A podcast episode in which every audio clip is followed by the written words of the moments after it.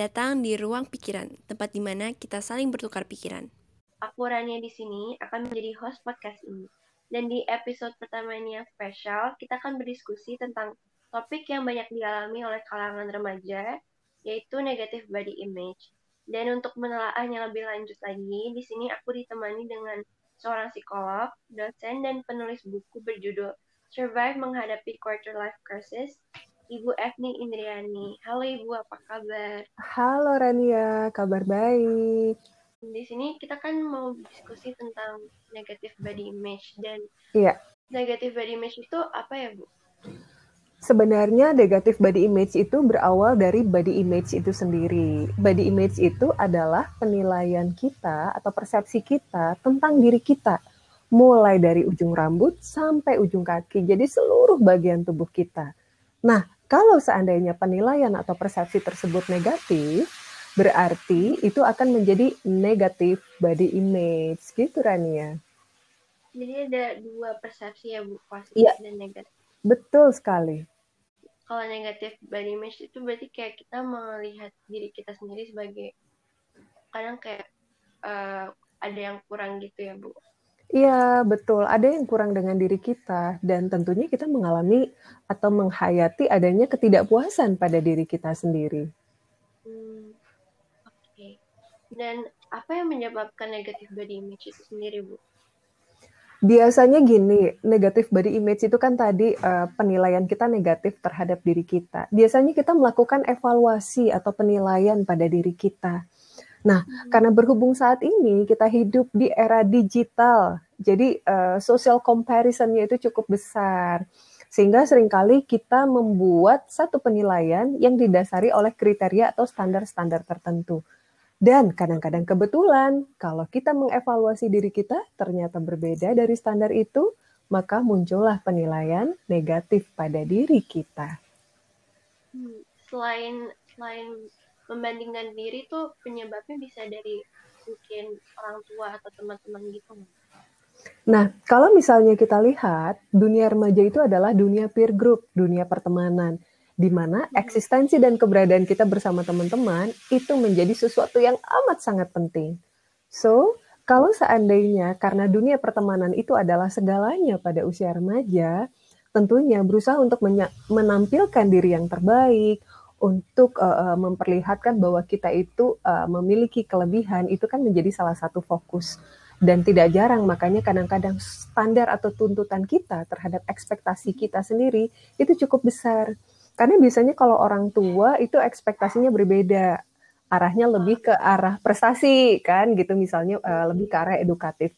Tapi kalau body image kita bicara bagaimana kita menghayati atau menilai tubuh kita dari ujung rambut sampai ujung kaki Oke, terus eh, menurut ibu sendiri tuh mungkin karena pengaruh sosial media juga ya, tapi Iya. mengapa tuh lebih banyak remaja gitu yang ngalamin negatif body image daripada umur umur eh, yang lebih di bawah umur atau yang lebih tua gitu. Mm-mm. Karena gini, pada dasarnya kalau seorang remaja, tahapan fungsi perkembangan otaknya itu masih berada di tahap highly suggestible. Artinya, mudah sekali disugesti. So, ketika melihat ada paparan di media digital, mendengarkan komentar dari teman-teman, atau bahkan ketika dia mengamati sendiri, dia akan lebih mudah tersugesti. Sedangkan kalau pada fase kanak-kanak, itu sebelum remaja ya, fase anak-anak itu adalah fase di mana dunia itu adalah sarana untuk bermain. Jadi just enjoy my life. Sedangkan pada yang lebih dewasa, kematangan fungsi berpikir dan kematangan otaknya sudah terjadi. Sehingga informasi yang diterima itu tidak akan langsung menjadi sugesti pada diri kita, tetapi dianalisa terlebih dahulu. Kalau untuk seorang remaja, karena highly suggestible, biasanya 100% informasi atau komentar itu langsung masuk ke lubuk hati yang terdalam. Gitu. Karena itu pengaruhnya karena pubertas juga nggak sih Bu atau ada faktor lain?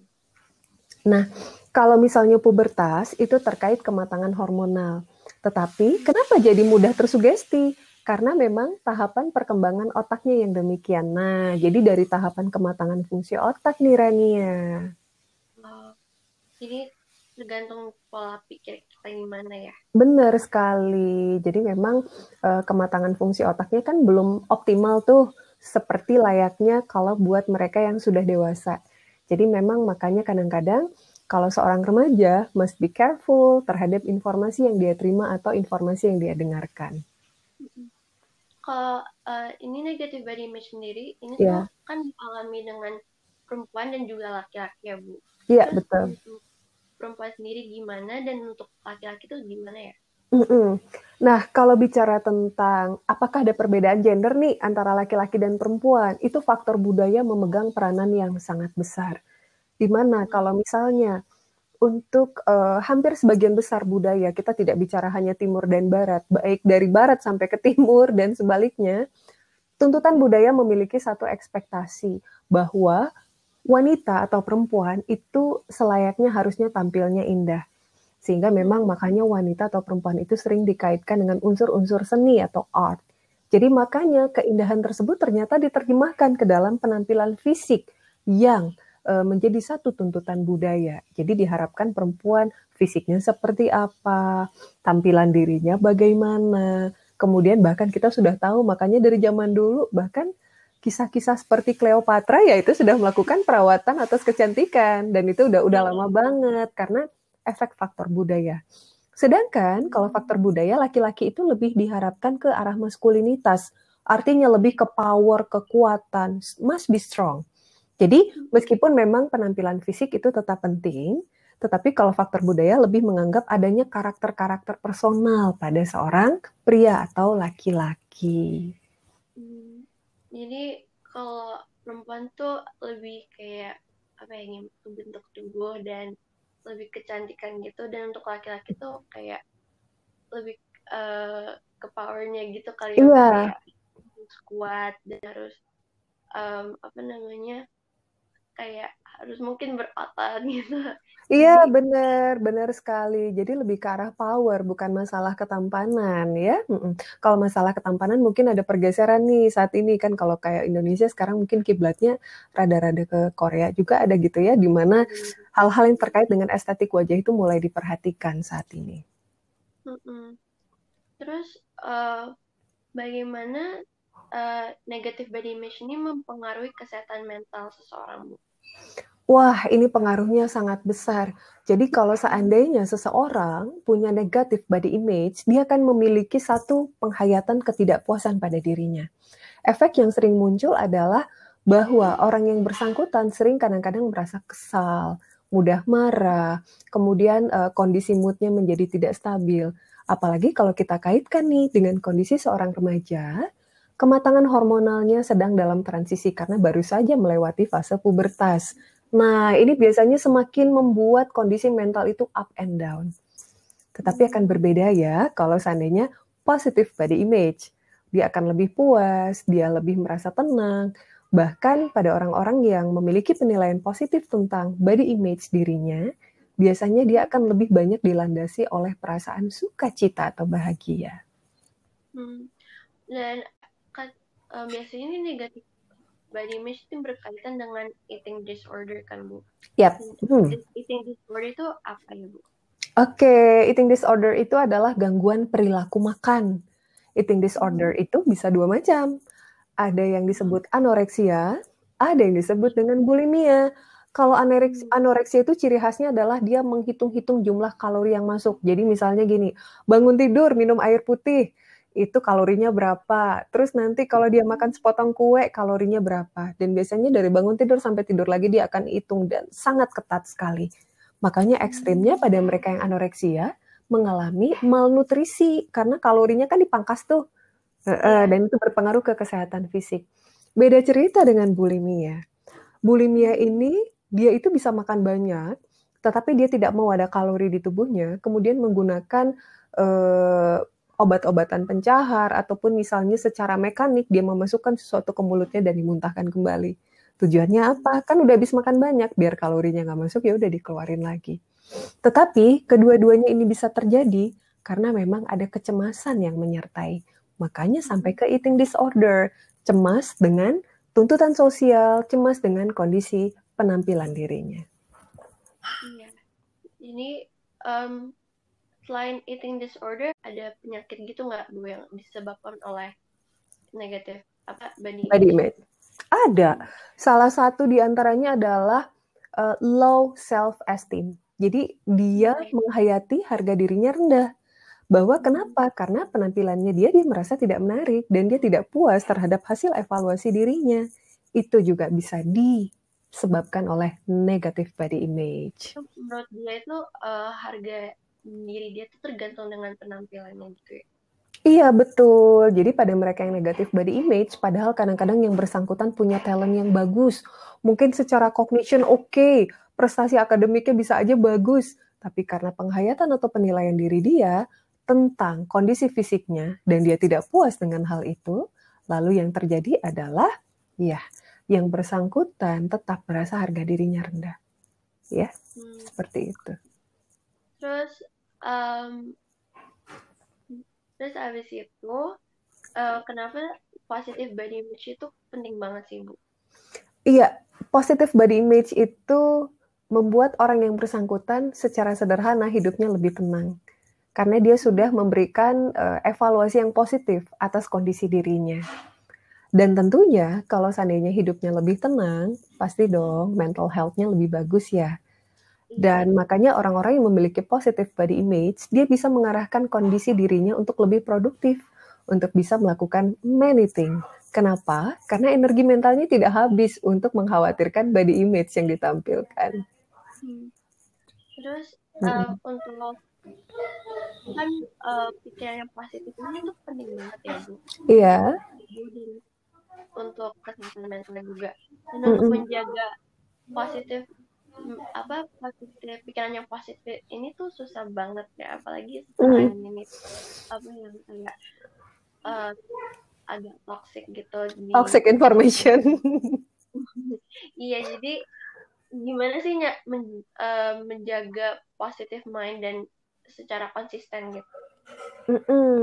jadi tentunya seperti ini um, positive mind atau positive thinking itu bisa kita lakukan kalau tadi ternyata ada satu kuncinya, acceptance. Kita menerima kondisi kita saat ini. Bahwa Tuhan menciptakan manusia itu beragam. Ada yang tubuhnya seperti A, seperti B, seperti C. Demikian juga dengan warna kulit, warna bola mata, dan seterusnya. Dan kenapa Tuhan tidak menciptakan manusia cuma satu uh, satu ras atau satu gen aja ya? Jadi ibaratnya kalau Asia Asia semua, kalau bule bule semua, tidak. Karena kalau kita menyadari Tuhan menciptakan keragaman, kita akan menerima bahwa kita terlahir dari ras atau genetik tertentu dengan tampilan fisik seperti ini. Jadi kuncinya satu apa? Menerima. Dan bersyukur ya, Bu. Yap, betul. Terus abis itu uh, bagaimana sih cara menghindari pikiran negatif gitu terhadap badan kita sendiri? Nah, jadi tentunya seperti ini bahwa hmm, kalau seandainya kita kerap berupaya memberikan standar yang cukup besar pada diri kita, itu mun awal munculnya pikiran negatif seperti itu. Padahal kadang-kadang kalau kita ketahui standar yang kita berikan itu satu mungkin bisa tidak realistis, yang kedua mungkin yang kita lihat segala sesuatu dari informasi belum tentu itu bermanfaat dan baik. Ya, jadi kita sendiri juga yang yang memunculkan uh, adanya pemikiran negatif tadi. Berasal dari standar atau harapan kita. Jadi mungkin uh, kita bisa menjaga dan merawat tubuh kita dengan berolahraga dengan makan yang baik gitu ya. Nah, kalau olahraga dan makan yang baik itu stimulasi yang hanya kita berikan untuk tubuh kita. Tetapi tidak sedikit kadang-kadang sudah menjaga nutrisi makanan, sudah berolahraga masih negatif thinking. Ya, iya. kenapa? Karena tadi dia menerapkan standar-standar yang terlalu berat untuk dirinya. Jadi sangat penting untuk merefleksi diri dan melakukan kayak meditating gitu ya untuk. Oke. Okay. Ya, kalau meditation itu lebih uh, sebagai salah satu cara untuk memperoleh ketenangan, ya, ketenangan proses berpikir. Nah, jadi makanya memang karena saat ini kalau kita melihat uh, kita itu kadang-kadang sibuk ya, mulai dari bangun tidur sampai tidur lagi, many things yang harus kita kerjakan apa pun lah. Apakah kita masih sebagai pelajar atau kita sudah bekerja, many things. Sehingga kita lupa untuk mengistirahatkan fungsi kerja otak kita sesaat. Lupa untuk dia berhenti sejenak dan mendengarkan diri kita. Dan meditasi biasanya bisa memfasilitasi itu. Hmm, jadi uh, untuk remaja sendiri kan mm-hmm. susah banget nih bu untuk kayak uh, self acceptance dan bersyukur yeah. Ya. Nah, menurut ibu tuh uh, ada nggak tips-tips gimana cara untuk kita bisa melatih uh, untuk bersyukur dan mencoba untuk menerima diri kita, badan kita. Oke, okay. tentunya langkah pertama tadi menyadari bahwa Tuhan menciptakan manusia beragam, mulai dari suku bangsa, ras, dan genetiknya. Itu yang pertama. Yang kedua, mulai enjoy the process, artinya menikmati setiap proses yang kita lewati dalam kehidupan. Proses ketika mandi, ketika bangun tidur, ketika makan. Dari situ kita akan mulai merasakan, oh nikmatnya, I can enjoy my life. Dan kemudian tahap ketiga kan akan muncul ke perasaan bersyukur. Jadi kalau kita sudah bisa melakukan itu, tentunya itu akan sangat baik untuk kondisi mental kita. Terus uh, bagaimana orang tua dan teman-teman bisa membantu kita dalam uh, supaya kita bisa punya pikiran yang positif itu gimana Bu? Mm -mm. Nah tentunya seperti ini bahwa orang tua itu kan bisa menjadi partnership atau menjadi best friend ya untuk seorang remaja. Dan dalam hal ini bahwa memang satu hal yang perlu diingat bahwa seorang remaja itu kan tadi seperti yang saya katakan lagi highly suggestible, mendengar informasi, mendengar perkataan mudah tersugesti. Ya. Iya. Jadi makanya memang kalau pada seorang remaja yang sangat dibutuhkan adalah mendengarkan remaja tersebut. Jadi kita sebagai para orang tua dengarkan. Karena kadang-kadang dari informasi yang didapatkan itu kadang-kadang kan muncul kegelisahan, ketidaknyamanan. Dan itu akan lebih bisa direduksi kalau seorang remaja punya teman curhat, teman berbagi, teman bercerita yang siap mendengarkan tanpa memberikan negative judgment. Ya, hal itu bisa dilakukan. Tapi kadang tuh um, mm -mm. aku sendiri ya juga nggak ya. kayak mm. kadang susah banget gitu loh untuk kita cerita dan terbuka dengan orang sekitar kita gitu. jadi gimana oke okay.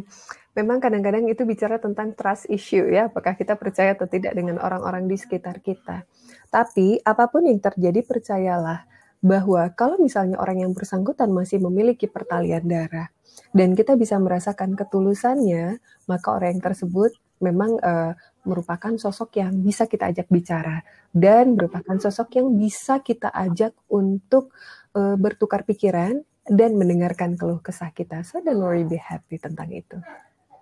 Okay. Terus uh, apa tanggapan ibu um, dengan apa ya kayak orang tua tuh orang tua atau kerabat gitu yang masih kadang kalau misalnya ketemu gitu mungkin di acara gitu kayak bilang kadang bilang kayak ih gendutan ya atau kayak uh, pipinya tambah tembem ya itu gimana? Iya betul sekali. Memang ya Rania, kita tidak tidak bisa menghentikan komentar orang lain. Kita iya. pun tidak bisa membuat orang lain memiliki satu persepsi atau penilaian yang seperti kita inginkan. Tetapi kuncinya adalah satu, bahwa kebahagiaan itu ada pada diri kita sendiri. Terlepas dari apa pun yang diungkapkan ataupun atau apa pun yang dikomentari oleh orang lain, kalau kita sudah menerima keberadaan diri kita dengan setulus-tulusnya, apa pun komentar orang itu biasanya tidak akan punya pengaruh pada diri kita. Terus untuk kalau misalnya kita mau kayak masih tahu kita kayak ya emang kita adanya gini gimana gitu. Ya, tugas kita itu sebenarnya simpel sih. Kita cuma tampilkan diri kita apa adanya, senyamannya kita, dan kemudian kadang-kadang memang hmm, kita tidak bisa memaksa orang lain untuk mengikuti apa yang kita inginkan. Jadi makanya uh, tampilkan diri kita, katakan apa yang membuat kita nyaman, tapi kalau orang yang bersangkutan tidak mendengarkan, kita tidak perlu berharap pada orang yang tidak mendengarkan kita. Masih banyak sejumlah orang yang care, peduli, dan mau mendengarkan kita. Iya. Terus um, untuk uh, apa tanggapan ibu dengan kayak um, apa namanya kayak orang-orang yang masih toxic gitu yang, yang masih kadang suka komentar-komentar dan apalagi di sosial media gitu bu.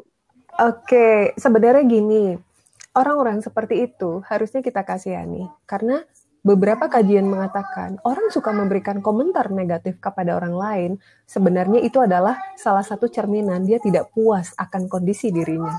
Kalau orang yang sudah puas dia berbahagia, dia acceptance, dia menerima dirinya, biasanya dia akan netral-netral aja melihat orang lain. So, berarti begitu banyak kan orang yang harus kita kasihi saat ini karena mungkin dia sedang tidak bahagia dan dia memberikan komentar seperti itu di sosial media. Jadi mendingan nggak usah ditanggapin aja ya. Iya betul sekali ya. Artinya kan kalau menanggapi orang yang sedang berada pada kondisi seperti itu berarti kan kita menguatkan uh, mungkin ketidakbahagiaannya dia dengan misalnya kita memberikan tanggapan mungkin nanti jadi adu argumen di sosial media. Iya.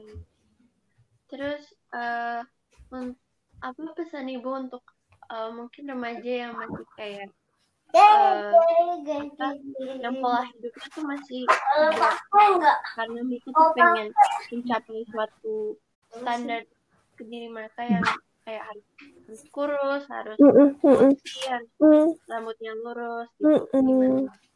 Nah, sebenarnya ini buat para remaja satu hal yang perlu diingat. Kondisi fisik itu bisa berubah. Kenapa? Karena ada aging, ada faktor penuaan. Seiring bertambahnya usia, pasti fisik akan mengalami perubahan. Sebagaimanapun kita memberikan perawatan, tapi ada satu yang tidak bisa diambil oleh orang lain dan ada satu yang tidak mengalami penuaan, yaitu adalah potensi, kreativitas, dan kemampuan yang kita miliki. So, explore talent yang kita miliki. Maksimalkan dan kalau perlu berikan kesempatan bagi talent kita untuk punya sarana mengekspresikan dari kemampuan kita. Karena itu tidak akan hilang dan itu akan terus berkembang dibandingkan sekedar standar fisik semata. Oke, terus Ibu ada um, tips-tips mungkin hmm. untuk para remaja yang bisa dilakuin kayak uh, mungkin makanin dengan sehat gitu yang apa ya yang porsinya tuh masih seperti orang biasa gitu atau gimana? Nah, kalau buat para remaja, sebenarnya hidup kita itu terdiri atas tiga. Pertama dari the mind, ada the body, and the soul. Kalau dari the mind, tentunya dalam hal ini, uh, berhati-hatilah dalam menerima informasi. Karena the mind atau pikiran akan berubah, itu tergantung dari informasi yang masuk ke dalam pikiran kita. Kalau dari sisi the body, perhatikan asupan, nutrisi yang kita makan. Tentunya dalam hal ini, apa yang kita makan akan berpengaruh pada kondisi kita, tidak hanya sekedar bobot tubuh. Tetapi kadang-kadang pola makan yang keliru bikin mood kita mudah berubah atau up and down. Dan kalau dari sisi the soul, kita bicara tentang ketenangan dan menikmati hidup. Mulai menikmati every single thing yang kita miliki saat ini. Dan tentunya kita akan lebih bisa menikmati proses kehidupan yang kita jalani. Oke, terus untuk untuk orang-orang yang mungkin masih berkomentar tentang hmm. badan kita tentang kayak hmm. tentang orang lain gitu hmm. apa ibu untuk mereka Iya, tentunya seperti ini. Ketika kita memberikan komentar kepada orang lain, apalagi seandainya komentar tersebut melukai orang tersebut, berhati-hatilah karena komentar negatif yang kita berikan ternyata merusak fungsi amigdala otak kita. Amigdala otak ini ternyata punya peranan yang sangat besar, mulai dari self actualization, mulai dari uh, membangun relationship, kemudian mulai dari untuk menguatkan mental kita dan tentunya amigdala punya peranan mental, peranan besar pada kesehatan mental. Jadi, seandainya memang mulai dari saat ini, mari kita bersikap netral kepada sesama kita supaya apa amigdala otak sehat, mental health akan jadi lebih bagus. Mm-hmm. Terus uh, untuk apa ya menjaga kesehatan mental sendiri tuh apa yang bisa hal kecil yang bisa kita lakukan? Iya, sebenarnya kesehatan mental itu kan berawal dari adanya kondisi-kondisi mental yang tidak teratasi. Jadi paling simpelnya seperti ini. Kalau seandainya kita merasakan kenapa ya kondisi mood aku mulai berubah, kenapa ya akhir-akhir ini aku kalau tidur gampang mimpi buruk, kenapa ya akhir-akhir ini kadang semangat, kadang enggak. Dan sering kali kadang-kadang menunda hal-hal yang harus diselesaikan. Segeralah berdiskusi dengan orang-orang yang care atau peduli dengan kita. Dan kalau perlu, mungkin datang ke profesional yang memang bisa menanggulangi hal tersebut. Jadi, eh, kesiagannya itu berawal dari diri kita sendiri. Jadi kalau misalnya emang udah butuh bantuan gitu, Iya, betul sekali. Ya, jadi jangan khawatir untuk datang untuk memperoleh bantuan profesional sebelum kondisi mental kita mengalami penurunan yang sangat dahsyat. Oke, terus terakhir Bu, uh, Ya. untuk uh, orang tua sebagai orang yang dibilang orang terdekat kita dan teman-teman sekitar kita gitu Mm-mm. apa yang bisa bisa lakukan untuk membangun lingkungan yang positif Oke, intinya adalah karena Indonesia budayanya kolektivistik, artinya budayanya itu penuh dengan kebersamaan. Jadi berikanlah social support, ya, bahu membahu dengan kebersamaan satu sama lain untuk memberikan dukungan sosial kepada teman-teman kita. Dan bersyukurlah kalau saat ini kita berada dalam kondisi mental health yang relatif stabil atau baik.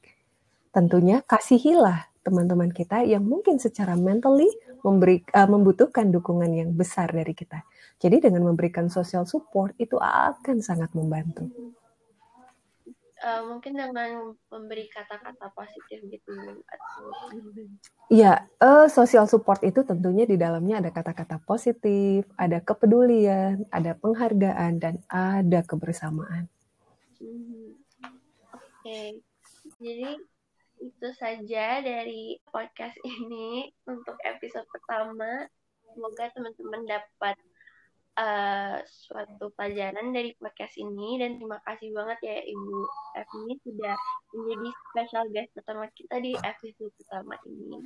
Dan sekian dari aku Rania, terima kasih dan sampai jumpa di episode selanjutnya. Okay. Sampai jumpa.